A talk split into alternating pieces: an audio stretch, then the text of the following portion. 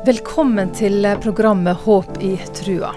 Å være kristen er ikke noen garanti for å ha et lett liv.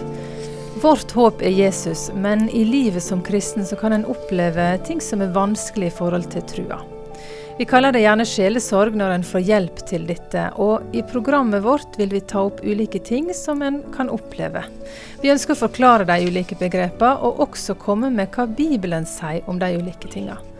Så ønsker vi da å gi hjelp til å holde fast på de sannhetene som Gud i sitt ord, Bibelen, sier om oss og om seg sjøl. Og I dette programmet nå så har jeg fått med Kåre Eidsvåg til å samtale om temaet synd. Og aller først, Kåre, kan du si litt om hva er synd per definisjon? Ja, et kort svar på det, det er at synd det er alt som skiller oss ifra Gud. Det gjelder både tanker, ord og gjerninger. Vi kan si det å bomme på målet og mange ting sånn, men la oss holde fast med det at synd det er en alvorlig ting, og det skiller oss ifra Gud. Mm. Så er det mange som kan ha tanker om fortida. En, en, er kristen, men en tenker på fortida, ting som kan plage en i fortida. Ja, det er veldig mange som har problemer med fortida. Og det er ikke noe ukjent eh, problem for eh, Bibelen heller.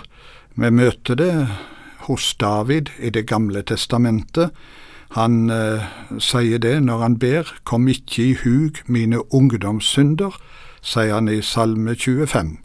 Og Paulus i Det nye testamentet, han eh, taler også om det, at jeg som før var en spotter og forfølger og voldsmann.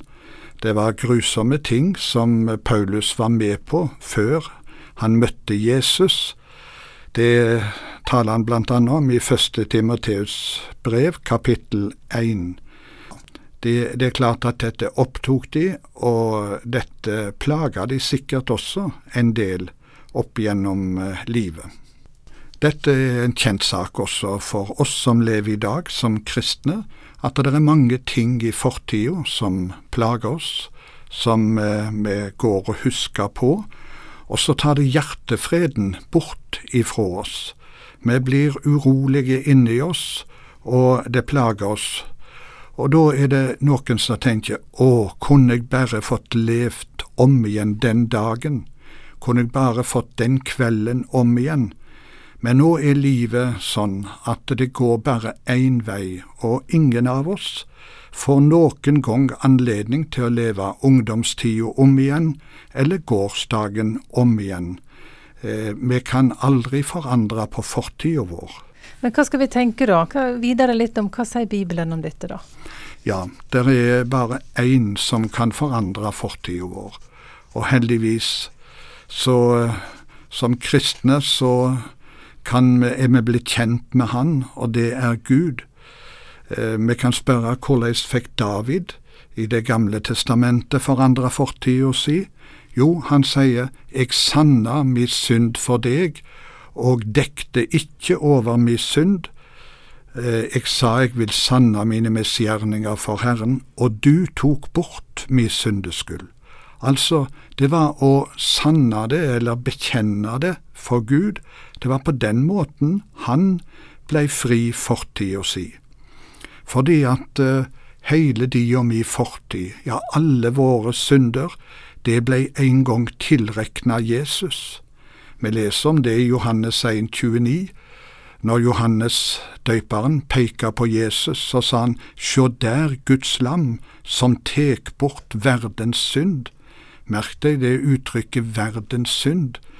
Der var også dine synder med, alt i sammen både det du veit om og det du ikke veit om, det blei lagt på Jesus av Gud, og det står om at Han som ikke visste av synd, har Gud gjort til synd for oss, så vi skulle vært rettferdige for Gud i Han. Altså, Han ble gjort til det som du og jeg er, og det som plager oss av synd. Det ble Jesus gjort og tenk, det var ikke ei synd som Jesus sa nei til, at denne er for stygg, den er for vond, den vil ikke jeg ha noe med å gjøre. Nei, han tok alltid sammen på seg. Det ble tilrekna han. Mm. Og rett og slett glemt. Når Gud tilgir, så gjør han det så fullkomment at syndene dine minnes deg ikke, står det òg i Bibelen. Og, og, vi kan jo sammenligne med oss sjøl, som, som, ofte ikke klarer å glemme ting. Er det annerledes med Gud, Kåre? Ja, heldigvis for det.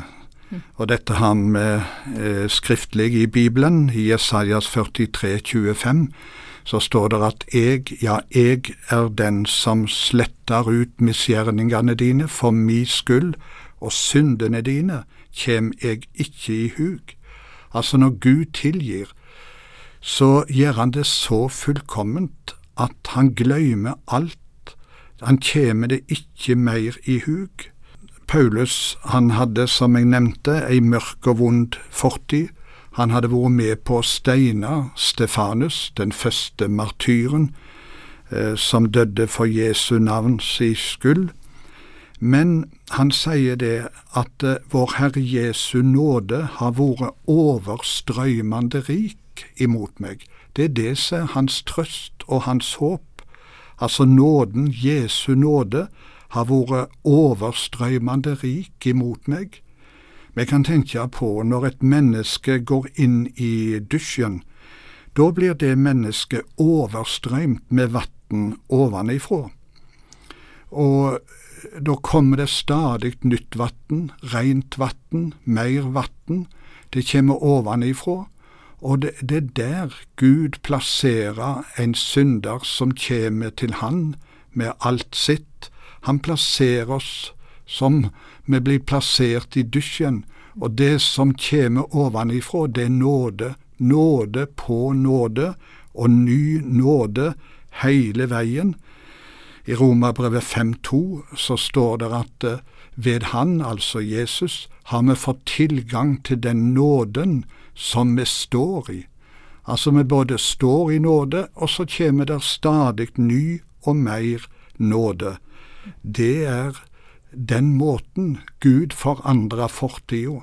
Det er på den måten vi regner, alltid regner, rensa av Han.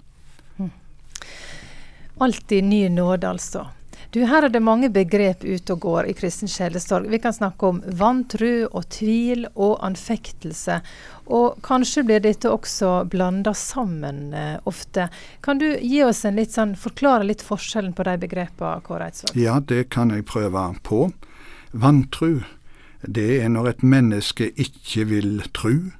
Vi finner det bl.a. i Johannes 3, 36. Den som ikke vil tru på Sønnen, får ikke sjå livet, står der, men Guds vreide blir over han. Tvil, det er når et menneske gjerne vil tru, men en makter ikke å tru. Det er så mange ting som gjør det vanskelig. Det er for vanskelig å tru for meg.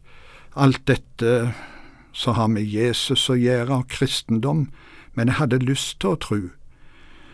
Men eh, så har vi et ord som heter anfekting, eller anfektelse. Det er jo et gammelt uttrykk. Men når vi kjenner på det, da retter den seg mer innover imot meg sjøl, med spørsmål om er det rett og i orden med meg, slik som jeg er. Eh, det ordet anfektelse det kommer opprinnelig fra tysk anfektung, og det betyr å fekte imot noen. Altså, en står i en kamp, og en fekter imot noen som retter eh, våpen imot deg, for å si det på den måten. Og det er i grunnen veldig treffende, for ordet Satan, som vi har kamp imot, det ordet det betyr anklager. Og i Johannes' åpenbaring 12,10 så står det at uh, den vonde, altså Satan, han klaga våre brødre for Gud dag og natt. Vi har en anklager, og han eh, kommer med alle slags tvilstanker inn i våre liv. Hva vil du oppfordre en som lytter, og kjenner på nettopp sånn anfektelse, å gjøre da, Kåre? Jo, da vil jeg eh, oppfordre til det samme som en eldre mann som eh, da bodde på sykehjem, eh, sa det. Han sa det. jeg blir så ofte anfekta, og det kommer alle slags spørsmål til meg nå som har med gudsliv og trusliv å gjøre. Men da sa jeg til anklageren at vil du være med meg til Golgata? Men det ville han ikke, sa han for å gjøre det veldig konkret. Men han tok han, ville ta han med seg til Golgata, og det betyr han ville ta han med seg til det ordet som står i Kolosserbrevet 2,14, for det er et ord som handler om korset. Og der står det at han strøk ut skuldbrevet mot oss, som var skrevet med bud. Det tok han bort da han nagla det til krossen, står der. Der fikk han sjå at skuldbrevet Alt det vi kjenner på, det tok han bort, og det skjedde da han nagla det til krossen til Golgata. Vi må holde oss på Golgata, for der er det djevelen har mista sine våpen, og der er det at hjertefreden får komme inn på nytt igjen.